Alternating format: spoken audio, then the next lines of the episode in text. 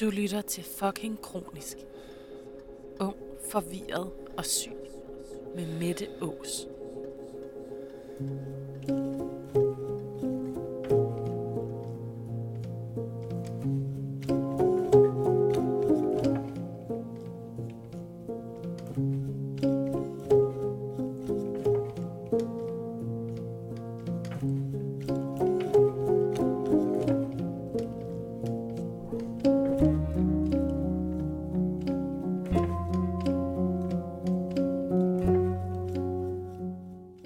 Navn er Mette, jeg er 24 år, og jeg lider af en kronisk leversygdom. I denne podcast serie inviterer jeg andre kronisk syge unge ind for at fortælle deres historie om at være ung og fucking kronisk.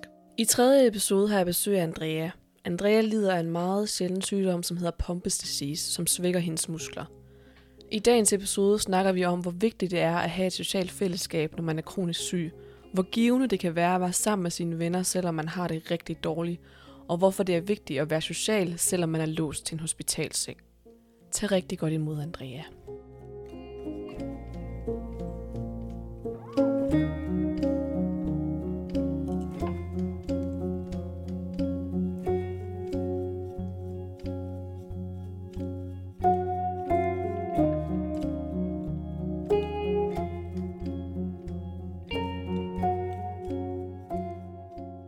Jamen, velkommen til, Andrea. Eller jeg tak. skulle næsten sige tak, fordi jeg måtte komme, fordi vi sidder hjemme hos dig lige nu. Ja, selvfølgelig. Ja, jamen, øh, tusind tak, fordi du har lyst til at være med i podcasten. Tak fordi jeg måtte være med. Ja, jeg selvfølgelig. vildt meget. Ja. Øh, nu kan folk jo ikke se dig i podcasten, men nogen kender dig måske, du var med i et program på TV2, der hedder Sjældne Danskere. Yes. Så hvis man har lyst til at se, hvordan Andrea hun lige sådan ser ud i virkeligheden, så kan man jo smutte ind og se på det. Du lider af en meget sjælden sygdom, som hedder Pompas disease.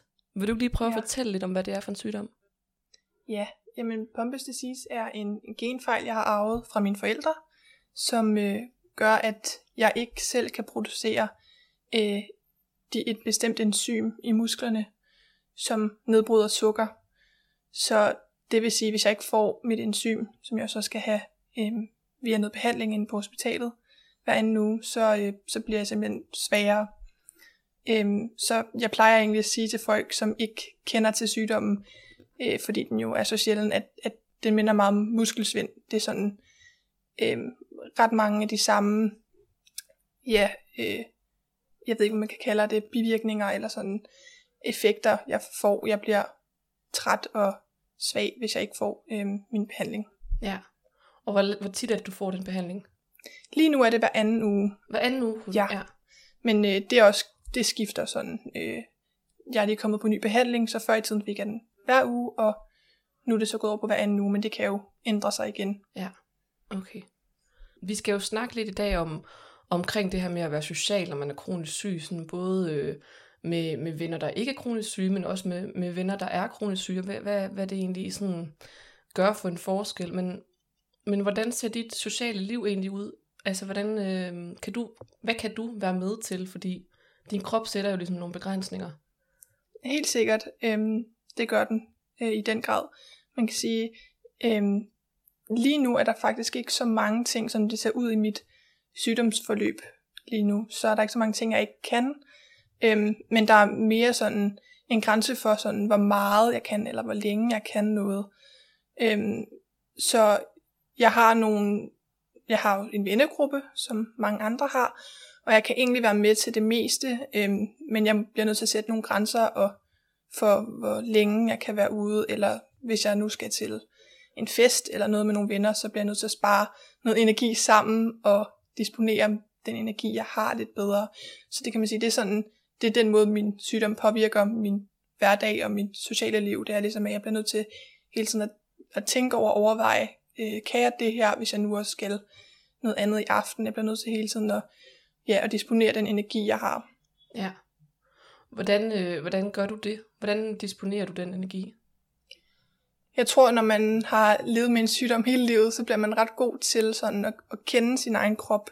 Øh, Jeg har ligesom begyndt at, at kunne mærke ret godt sådan, hvor mange kræfter jeg har, og jeg kan ligesom lidt regne ud måske, hvordan, øh, hvordan det kommer til at se ud, hvis jeg nu går til de her, de her arrangementer, så kan jeg lidt regne ud, hvor, hvor mange, meget energi jeg vil have dagen efter.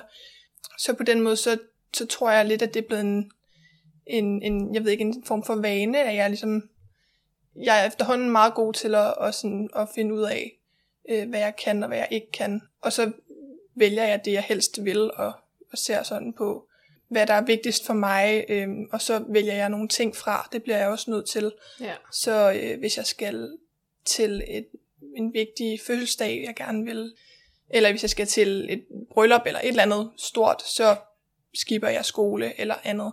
Så det handler rigtig meget for mig om at, at sådan veje tingene op, og hvad er vigtigst for mig, og så også blive nødt til at vælge nogle ting fra.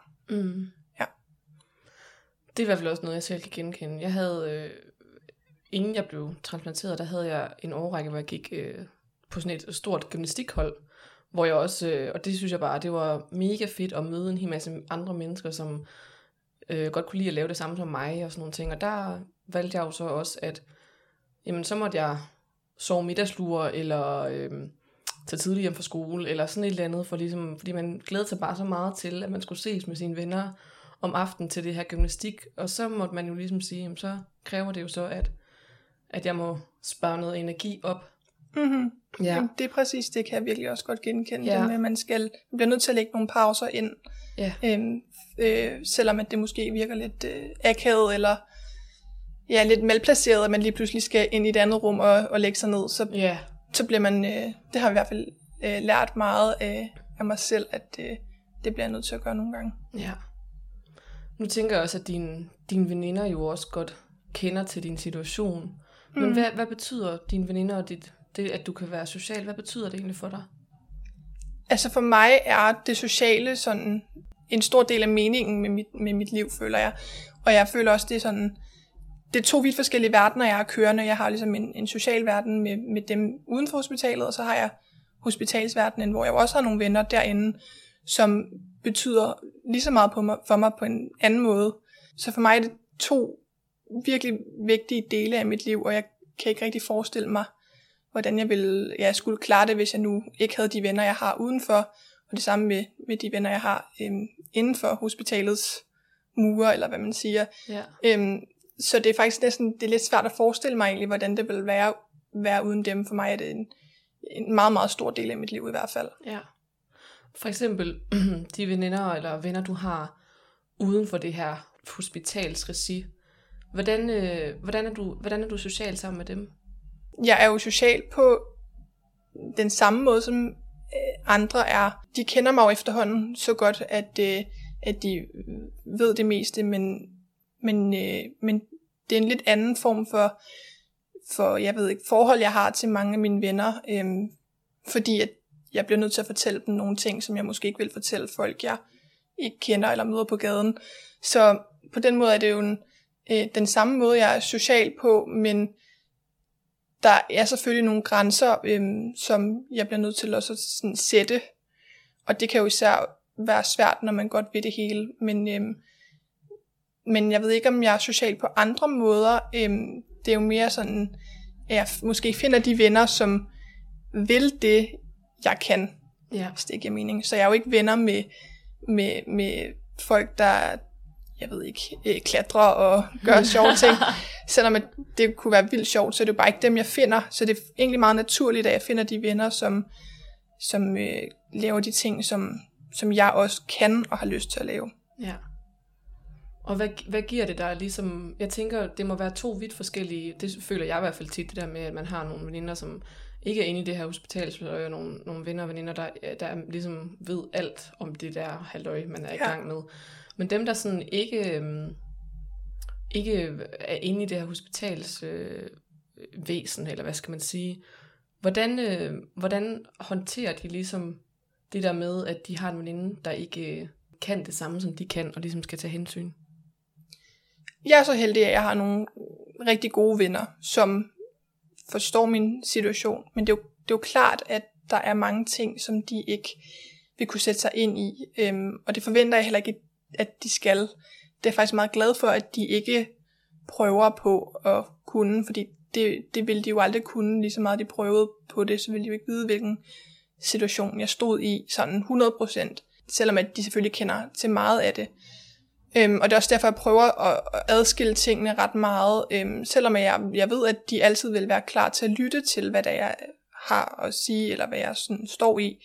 Så det er jo klart, at der er nogle ting, som de ikke vil kunne hjælpe mig med, fordi at de ikke øhm, er i det samme miljø, jeg er, øh, som jeg er i der. Og det er så derfor, jeg også øh, prøver at dyrke mange af de fællesskaber, der er inde i hospitalet, fordi der er nogle mennesker, som ved i den grad, hvad det er, jeg står i, øhm, og jeg ved, hvad de står i, og så på den måde, så kan vi jo dele erfaringer på den måde, og bare sådan prøve at få et fedt fællesskab ud af noget, som måske ikke er super fedt. Øhm, ja, ja, lige præcis. Det genkender jeg sygt meget. Øhm, jeg har lige været på sådan en sommerhustur øh, med min patientforening for alle mulige andre, der er transplanteret. Det så jeg godt, ja. Ja, og det var bare, det var første gang, jeg sådan, at vi, sådan, vi var sammen i en weekend, og det er første gang, jeg sådan havde været sammen med nogen over, over lang tid, som ligesom havde oplevet det samme som mig, eller i hvert fald noget lignende. Og vi kunne virkelig meget dele erfaringer, og det var jo ikke fordi, vi sad og snakkede om sygdom og død og ødelæggelse hele weekenden. Men, men det der med, at man sådan, åh, synes du også, det er pisse træls, eller sådan noget, vi viste hinanden vores ar, fordi vi var sådan ja. lidt, hvordan ser det ud, og ej, hvor har du et flot ar, mit ar, det er sgu ikke så pænt, og altså virkelig også sådan, hvad for noget medicin tager du, og hvad for nogle bivirkninger har du fået, og hvad, hvad har du gjort ved det? Øh, så det var bare sindssygt, man var sammen på en helt anden måde, synes jeg. Øh, og det gav virkelig noget for mig, noget som jeg havde ikke regnet med, at det ville være så godt til mig, eller hvad skal man sige.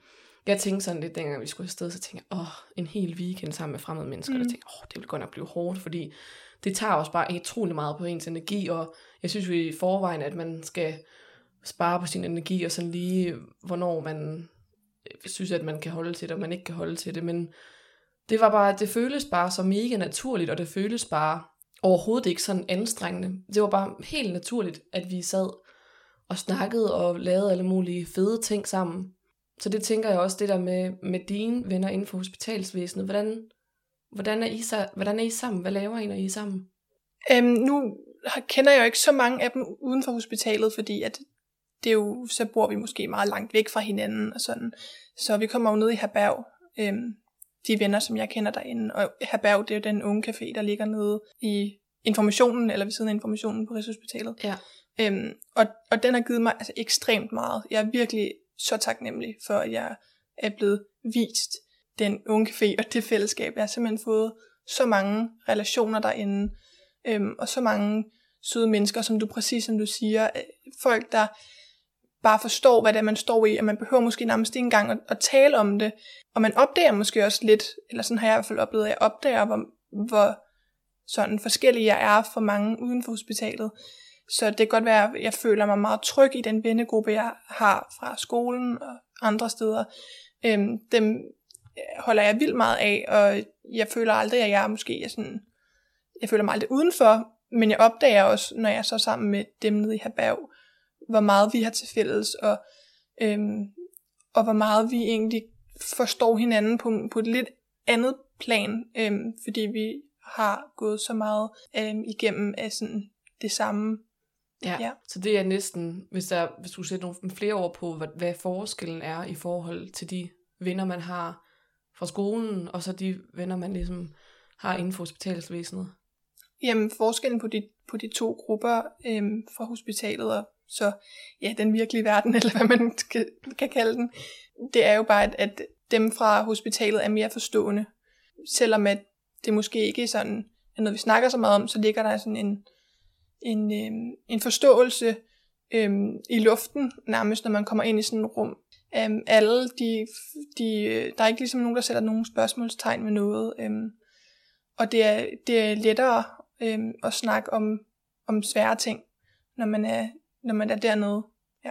Hvad giver det dig sådan helt generelt, det der med sådan at være sammen med, med venner og veninder? Det ved jeg i hvert fald for mig selv, at de der hårde tider, hvor man virkelig er nede og skrabe bunden.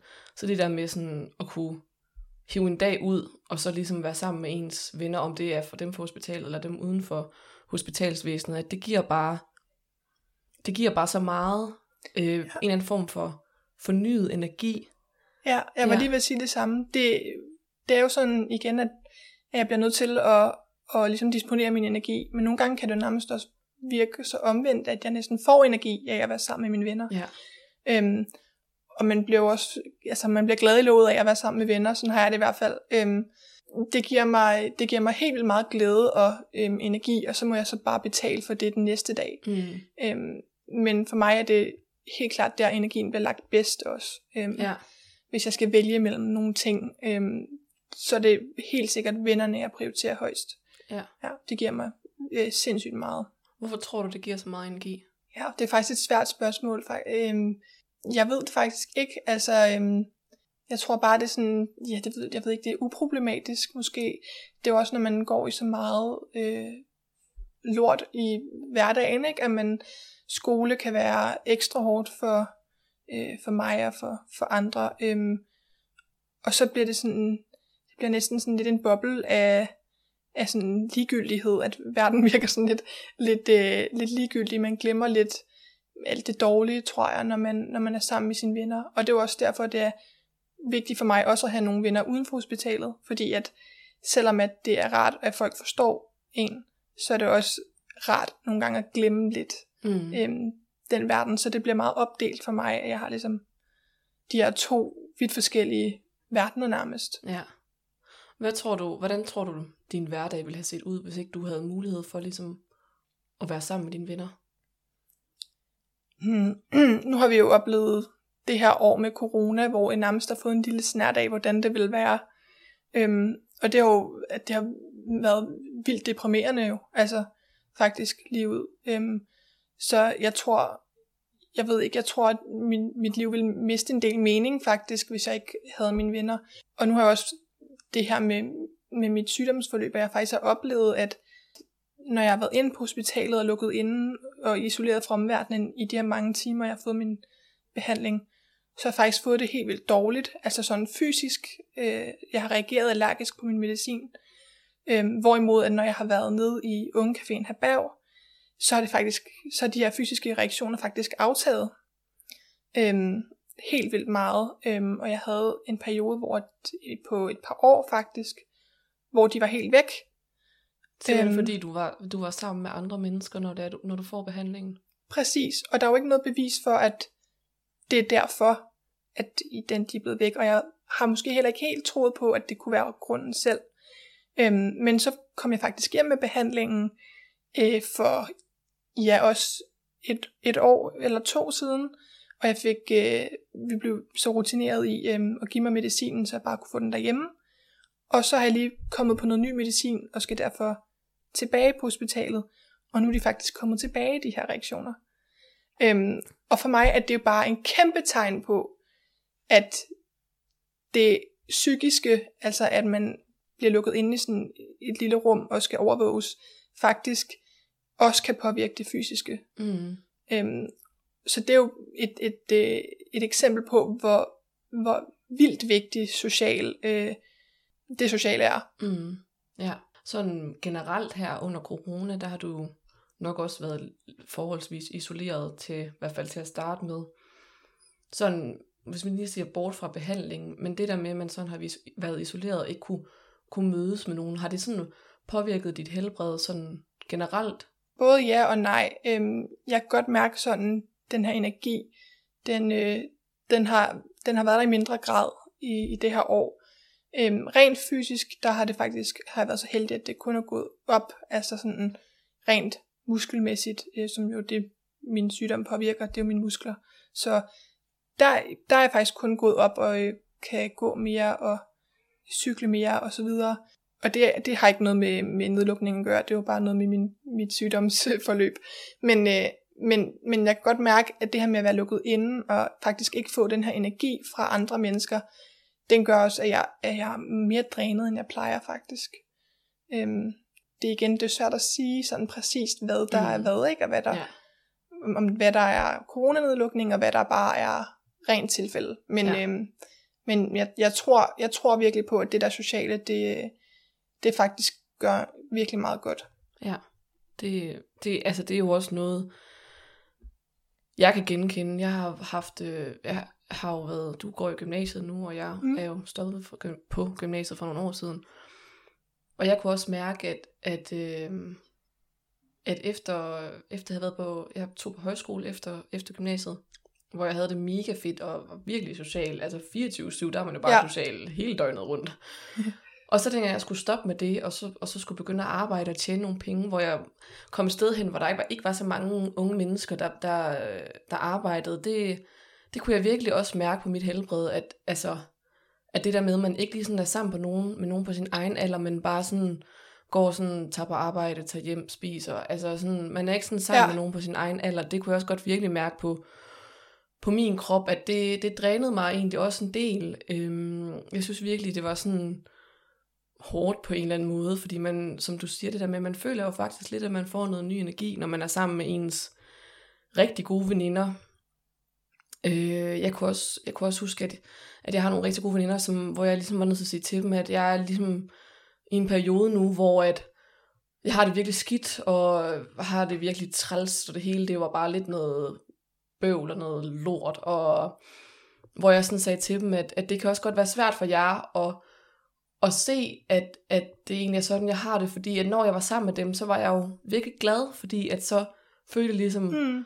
og så kunne jeg endelig sådan være sammen med dem og snakke med dem og ligesom få noget fornyet energi og ligesom bare slappe helt af i og i sådan at, ligesom at få en pause fra hverdagen, hvis man kan sige det sådan. Så, så jeg snakkede en del med dem om det der med, at, at det kunne være svært for dem at se, at, at jeg egentlig havde det rigtig dårligt, fordi jeg jo egentlig bare var så sindssygt glad, øh, når jeg så først var sammen med dem.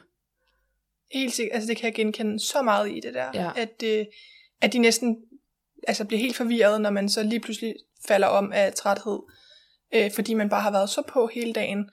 Og måske også kan jeg også godt mærke den der irritation nogle gange fra veninderne, at Mm. okay, hvis jeg nu bliver lidt, jeg kan godt blive ret irriteret, når jeg bliver træt, øhm, fordi man bare ikke kan rumme mere i hovedet. Mm. Og det forstår jeg da også godt er vildt frustrerende for, for nogen, som måske ikke rigtig har fanget, at jeg faktisk er vildt træt. Ja. Øhm, så jeg kan også godt møde den der sådan lidt irritation og lidt sådan, ej okay, hvorfor er du, sådan, lidt, hvorfor er du så kedelig nu? Skal du ikke, sådan, skal du ikke op og danse? Og, og, og der kan jeg også sådan lidt sige til mig selv, at jeg skal øve mig i nogle gange og, og sige lidt mere, hvordan jeg har det Mm. øhm, til mine venner, fordi det bare ikke er alle, der, der forstår og kan sætte sig ind i det, og det er også helt, helt okay. Øhm, det er også mit job der, at, at fortælle folk, øhm, at nu har jeg brug for en pause, Ja. og så ved jeg, at de vil forstå det. Ja. Jamen, din vennegruppe, hvordan håndterer de egentlig sådan, i forhold til det der, hvor de sådan måske øh, lige glemmer, at du jo egentlig også er syg og sådan nogle ting. Hvordan håndterer de egentlig ellers sådan? Jeg synes, de er gode til at spørge ind, faktisk. Øhm, hvad, sådan, hvad jeg kan. Øh, altså, hvis vi nu skal gå langt, øh, om de, så kan de godt øh, være gode til lige at sådan høre, okay, kan du klare det, eller skal vi finde en anden løsning? Øhm, men altså, sådan nogle teenagepiger, de er altså også øh, gode til nogle gange lige at, at være i deres egen boble, og altså lige lidt glemme deres, ja. deres omgivelser. Det, det må jeg være ærlig at sige. Det, det kan godt være lidt frustrerende nogle gange. Og der er det igen, der hjælper det lige at, at, at sige, hey, kan du ikke lige huske, at der var lige, der var lige noget her, der, øh, der skulle tages hånd om først, ikke? Ja. Men, øhm, men jeg synes sådan overall, at de er ret gode til at have vendet sig til øh, lige at sådan have mig i baghovedet. Mm. Øhm, og lige sådan scanne omgivelserne og sige sådan, at det her er et okay sted for Andrea at være, er der et sted, hun kan ligge ned og sådan noget.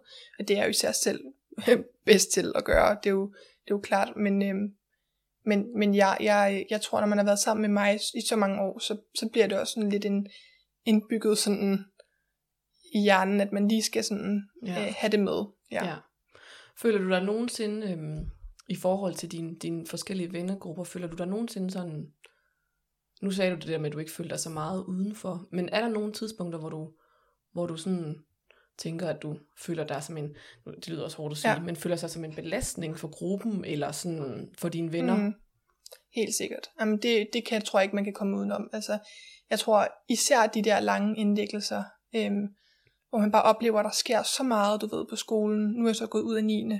Øhm, så min vennegruppe er jo ikke sammen hver dag øhm, uden mig. Og det har faktisk egentlig været en kæmpe lettelse. Ja. Øhm, fordi for mig, øhm, så har det været især været hårdt, de der dage, hvor at man ved, at det, de skal til idræt, og jeg kan selvfølgelig ikke være med til idræt, så jeg skal til fys i stedet for. Eller øh, nu var jeg lige igennem en kæmpe rygoperation for halvandet år siden, og der var lige et par uger, hvor jeg jo i 9. klasse, som, hvor jeg ikke var der. Og sådan to uger eller tre uger, øhm, er jo måske ikke så meget, men i 9. klasse, så er det bare mm. vildt lang tid at være ja. væk, ikke? Og så kommer man tilbage til alt muligt, man er gået glip af, og alle mulige øh, arrangementer, man ikke kunne være med til. Øhm, og det er jo, altså, det er jo nok, det vil jeg sige, det er sådan, det er mest sådan øh, ærgerlig og sådan vred over, det er de der arrangementer, jeg er gået glip af. Øhm, så ja, så helt sikkert, men jeg kan selvfølgelig også godt føle mig, føle mig udenfor. Det er, ikke, det er ikke kun sådan lidt altid. Nej, men det er rigtigt nok det der. Det er også de gange, jeg har været meget indlagt, så har det jo været meget sådan, hvor man sådan spørger, er der ikke, hvad er der sket i den tid, man er væk? Og så er de sådan lidt, det har da bare været hverdag. Det, der har det ja. ikke sket noget, selvom der er jo sket tusind ting, Præcis. man ikke har været en del af. Men, men, men de føler jo bare, at Nå, men det er jo bare hverdag, og har jo nærmest næsten ja. nogle gange lidt glemt, at man ikke var der. Præcis. Ja. Det, det er ikke en rar følelse, men øh, ja. Hvordan, øh, hvordan håndterer du sådan noget? For eksempel, hvis du har været indlagt i lang tid, og du føler, du er gået glip af en masse, hvordan håndterer du det? Altså, jeg forsøger virkelig at holde kontakt til folk, selvom jeg ved godt, at jeg ikke mister kontakten, øhm, fordi det er jo meget tætte venner, øh, mm. jeg har der. Men jeg prøver sådan og så sige til dem, det er igen det med hele tiden at, at prøve at inddrage dem lidt i, hvordan min situation ser ud. Øhm, og også måske anerkende lidt, at, at de ikke kan være to steder. Altså de ved ikke, hvor jeg er. Det, det er klart, at de øhm, har alle mulige ting øh, på skolen, som de skal se til. Øhm, så jeg bliver også nødt til sådan selv lidt at hive i dem og sige, okay, kan I lige komme forbi, eller kan I lige fortælle mig, hvem er blevet kærester, mens jeg var væk, eller ja. sådan nogle ting, ikke?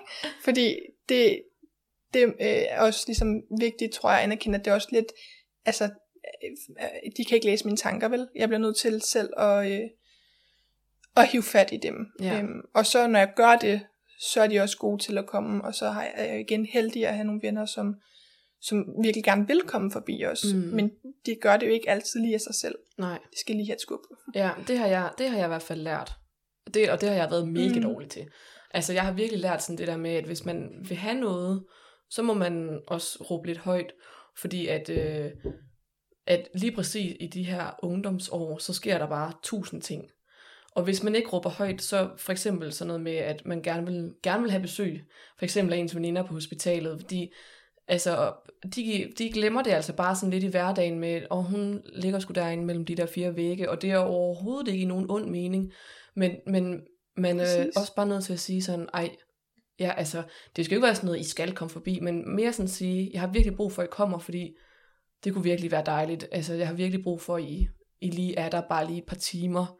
Ja. Øhm, og det har jeg været sindssygt dårlig til, og virkelig sådan, også nok fordi jeg tænkte for det første, at jeg var en mega belastning, eller øh, ja, eller man ligesom tænkte, åh, oh, det gider de da ikke, eller sådan, fordi man skal også bare sige sådan, fordi jeg har jo, det har jeg jo også lært af, at selvfølgelig vil de det. Det kunne de da, ja. altså, så det kunne de da ikke finde på at sige nej til, selvfølgelig vil de da det, men at man er også bare nødt til at, at sige, at hvad, hvad man har brug for, ligesom du siger, man er nødt til at, at ligesom sige, øh, at man har brug for nogle ting, eller man er der, eller kan vi ikke lige tage en omvej, eller kan vi ikke lige tage metroen i stedet for, eller et eller andet.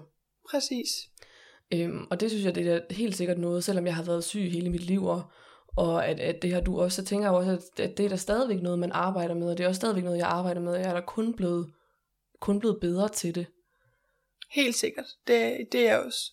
Og jeg tror også, at jeg er blevet meget overrasket de gange, jeg så har ligesom har rækket ud efter dem over, mm. hvor positivt det egentlig er, og sådan, så får man måske en besked fra sin veninde, sådan, yes man, ej, hvor, ja, jeg vil da vildt gerne ind og se din, din hospitalstue, ikke? Yeah. Og man tænker bare, at jeg ligger på den mest kedelige afdeling, og du ved, du er til fester, og sådan, altså igen, som du siger, man føler sig som sådan lidt en, ja, en belastning, at man mm. bare, altså, hvorfor vil, hvorfor vil de komme ind og se mig? Jeg ligger ligesom bare med, med medicinposer og piller og sygeplejersker, øhm, og så, når man så endelig lige får taget sig sammen til at skrive, så får man bare et positiv respons, og de vil jo vildt gerne komme og, og sige hej, ikke? Og ja. det skal man lige sådan minde sig selv om.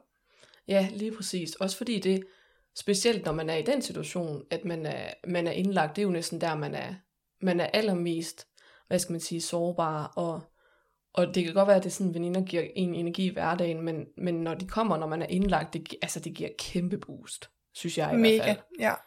Det er virkelig sådan, hvis bare, altså, om så de bare er der et par timer, og lige snakker, eller man får en tur i øh, kørestolen ned i kanti, ned, hvad Ja. ja. det, ned i kafeteriet, hvor, fordi man ikke har forladt stuen i to dage. Altså, det, det er også nogle gange det, der sådan, kan give sådan en eller anden form for boost, fordi jeg har jo altså, næsten altid været indlagt med min mor, og, og der har jeg også bare været sådan, nej, det gider jeg ikke. Eller sådan, min mor foreslår nogle ting, og sådan, nej, det gider jeg ikke. Eller skal vi ikke lige gå en tur? Nej, det gider jeg ikke. Fordi man sådan har Ja. været sådan lidt trodsig og sådan nogle ting. Men der føler jeg sådan lidt, ens veninder kan, kan lige få en, øh, kan lige give det der ekstra spark bag i, og ekstra bu- energiboost til, at man lige sådan overgår lidt flere ting. Det er virkelig øh, relatable. Ja. ja. Jeg tænkte på, øh, og det er faktisk, det er faktisk noget, jeg først kommer i tanke om lige nu, her i på stående fod. Det der med sådan at få nye venner, hvordan synes du det er? Hmm, altså, ja. Det er jo faktisk et ret godt spørgsmål, fordi jeg har lige været hjemme hos, øh, hos Laura, min veninde, som jeg også kender inden fra, øh, fra hospitalsmiljøet. Ikke?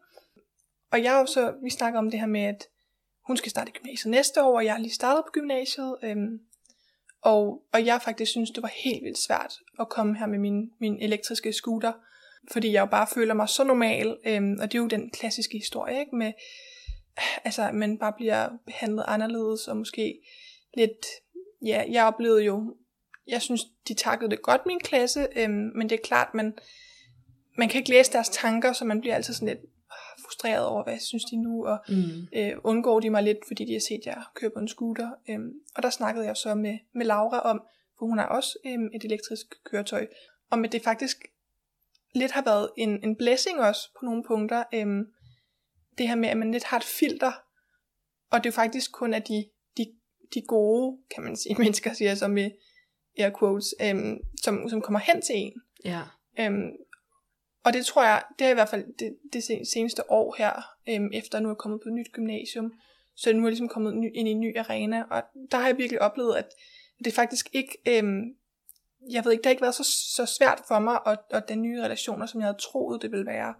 Øhm, fordi at det er egentlig, nu er der også forskelligt sådan, jeg føler, at det kommer, falder mig meget naturligt, det er jo ikke alle, der har det sådan, men øh, jeg har aldrig haft sådan super svært ved at få venner, det er jo mere sådan de rigtige venner, Mm. og jeg, jeg tænker meget på, ikke? Og mm, sådan, jeg skal finde dem, som, som vil mig øh, på trods af al min bagage, ikke? Ja. Øhm, og det synes jeg faktisk har, har været ret, en ret fed oplevelse det her år, at, at det faktisk er de søde mennesker og de gode mennesker, der er kommet hen til mig.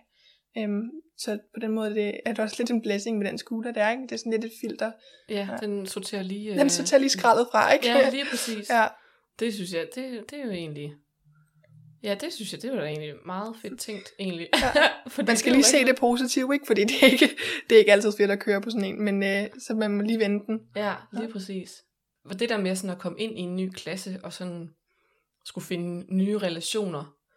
Nu, nu kan man selvfølgelig sige, at nu kunne, du jo, kunne de jo godt øh, se, at du ligesom ja, Mm. mm. er lidt anderledes, eller der er i hvert fald noget, noget i vejen, fordi du, har, du kører på den her scooter.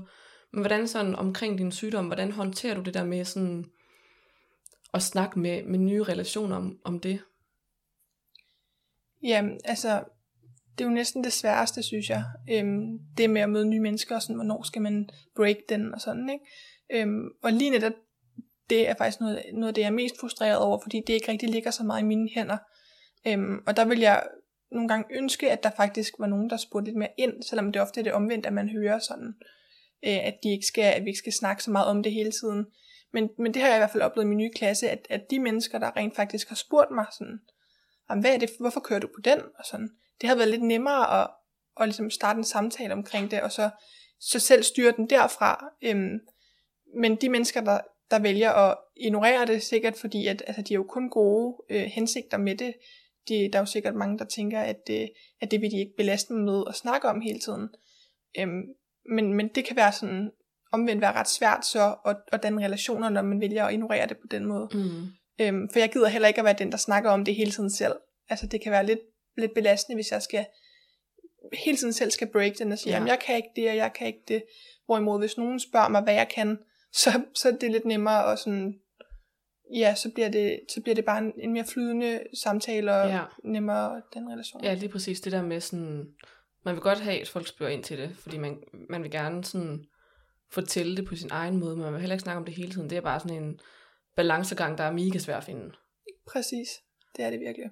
I forhold til sådan din situation nu, hvordan tror du egentlig, det ville se ud, hvis det var, du, du ikke havde mulighed for at, at være social med andre mennesker? Nu er du jo heldigvis sådan, at, at du kan jo de fleste ting. Der er selvfølgelig nogle ting, du ikke kan, men, men hvordan tror du, det ville have set ud, hvis, hvis du ikke havde mulighed for at være social med andre mennesker og have, have gode venner omkring dig?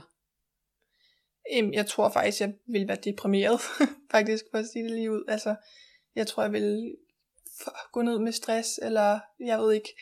Øhm, jeg tror, det, simpelthen, det simpelthen er så sådan vigtigt, eller det er virkelig en, en nødvendig ting at kunne, kunne dele øhm, ens sådan, øh, ja, hvad, hvad siger man, experiences, jeg ved ikke, hvad det hedder på dansk, med, med andre. Altså det er Ja. sådan, øhm, jeg ved, jeg kan faktisk ikke forestille mig, hvordan det ville se ud, hvis jeg ikke havde øh, det her sociale sådan, arena, jeg, jeg er i.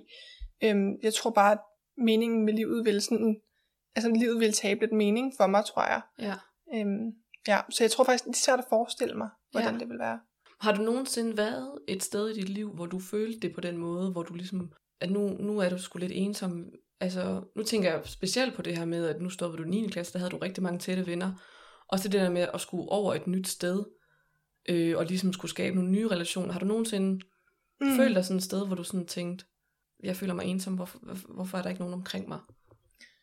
Helt sikkert. Jeg vil sige, det bedste eksempel, jeg lige kan komme på, det, det er det her år, og så især starten af det her skoleår. Så sidste sommer, der gik øh, alle mine venner jo, vi gik jo alle sammen ud af skolen, og der var rigtig mange, der skulle på efterskole, så en af mine tætteste veninder, hun skulle på efterskole. Øhm, og min anden tætte veninde, hun startede så på, heldigvis på et gymnasium tæt på, på der, hvor jeg skulle starte på gymnasiet.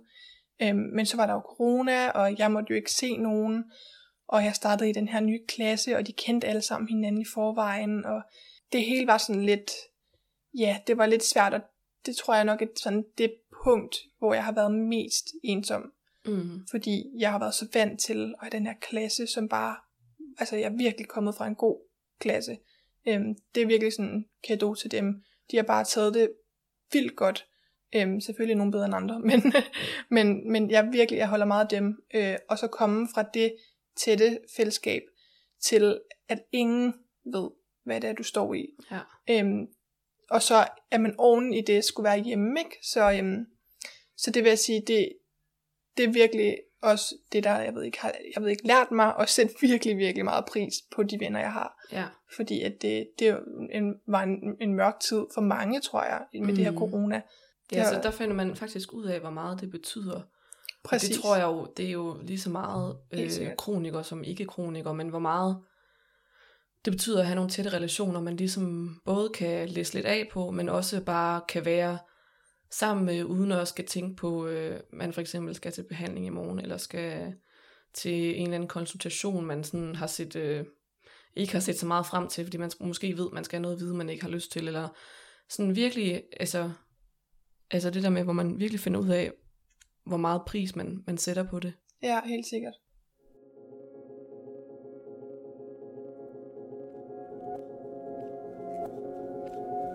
Du lytter til fucking kronisk.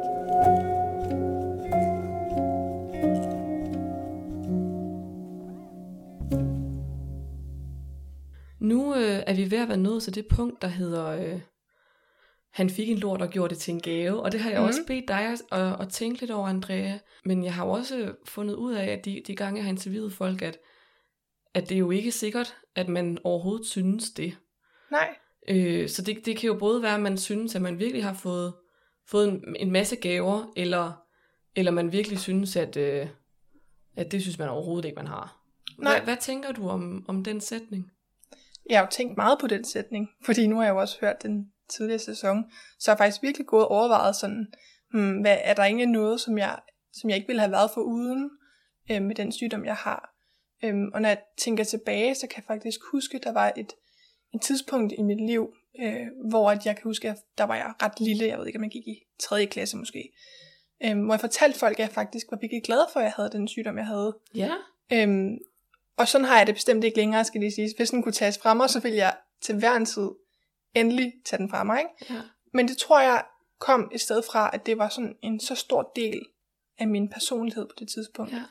Og det er jo både en dårlig ting, at, at det skulle fylde så meget for mig dengang. Og når jeg kigger tilbage, var det heller ikke sådan en super fed tid, øh, jeg var i dengang. Øhm, men jeg kan godt se nu på, at de relationer, der har givet mig, altså øh, at jeg har den her sygdom, jeg tror lidt, det er det, jeg har tænkt dengang. At øhm, de venner og de relationer, jeg har, dem vil jeg ikke være for uden. Øhm, og jeg, jeg er faktisk ikke sikker på, at jeg ville have fået så mange af de relationer, jeg har nu, hvis det ikke var for min, for min sygdom. Så, øhm, så jeg vil sige, at det, det har givet mig, det er, det er de her meget ærlige relationer, og de her sådan lidt, jeg er blevet lidt tvunget til, som vi også talte om tidligere, at fortælle tingene, som de var. Mm. Og på den måde er det kun øh, de gode mennesker, som er kommet til mig. Øhm, så det er, det er jeg virkelig taknemmelig for faktisk. De, ja. Igen de venskaber og de sociale arenaer, jeg bevæger mig rundt i, Ja. alle de venner, jeg har. Øhm, det, er, det er jeg virkelig taknemmelig for. Ja, for man kan sige, at hvis ikke du, hvis ikke du havde haft en sygdom, så havde du ikke mødt dem i, dem i herberg, eller dem, i, mm-hmm. Mhm. dem, dem du ligesom møder på afdeling og sådan nogle ting. Så det er det, du tænker på. Præcis, præcis som du siger dernede i Herberg, også øh, pædagogerne og, og nogle af sygeplejerskerne, og øh, ja, og så mine venner, jeg har fået nede i Herberg. Men også mine venner uden for hospitalet, som, som jeg bare har fået et ekstremt tæt bånd til, fordi at man bare automatisk bliver vildt tæt, når man deler nogle så dybe og mørke ting. Øhm, så hvor jeg måske kigger på mine forældre, som måske ikke har beholdt så mange venskaber fra folkeskolen, så ved jeg, at der er, der er nogen, jeg har ligesom i tankerne lige nu, som jeg ved, at jeg kommer til at holde kontakt med. Hvis ikke for altid, så i hvert fald meget, meget længe. Øhm, fordi at jeg har gået igennem så mange ting med dem. Ja, og de har ligesom stået ved siden af. Mm-hmm. Og det er også det, jeg kan genkende, det der med, det, det virkelig bringer en tættere på hinanden. Ja. At, øh, at du, som du siger, man, man deler nogle ting. Og det gør jo også, tit føler jeg i hvert fald det der med, at når jeg deler noget, øh, af sådan, for eksempel for min sygdom, så er der jo også nogen, der, der gør noget, og, og de deler noget, der måske er sådan meget, fylder utrolig meget i deres liv, at, at det ligesom, det starter ligesom lidt en bølge, øh, at hvis man sidder og snakker om sådan nogle ting, så er der jo, så er det lige pludselig også nogle andre, som, som deler nogle ting, og, og det gør ja. Jo bare, at ens vennegruppe bliver, bliver endnu tættere, og det behøver jo ikke at handle om kronisk sygdom, det kan jo handle om alt muligt andet, men, men det der med, at man virkelig deler nogle, Ja. nogle, nogle svære og vigtige ting, at, at det ligesom skaber et, et bedre sammenhold. Præcis, det kan virkelig, det kan virkelig åbne nogle, nogle samtaler, ikke? Ja, lige Starte præcis. nogle samtaler. Ja. Ja. Tusind tak, Andrea, fordi du vil være med i podcasten. Det er jeg super glad Ja. for. Ej, men det er da mig, der takker. Altså, det er da mega glad for, at jeg Ja, måtte være og med. mega mange fede perspektiver, du Mm. har på, på det her med venskab, og, og hvordan det ligesom påvirker, påvirker dit liv som, som kronisk syg. Det synes jeg er mega fedt. Åh, tak. Så tusind tak, fordi du var med.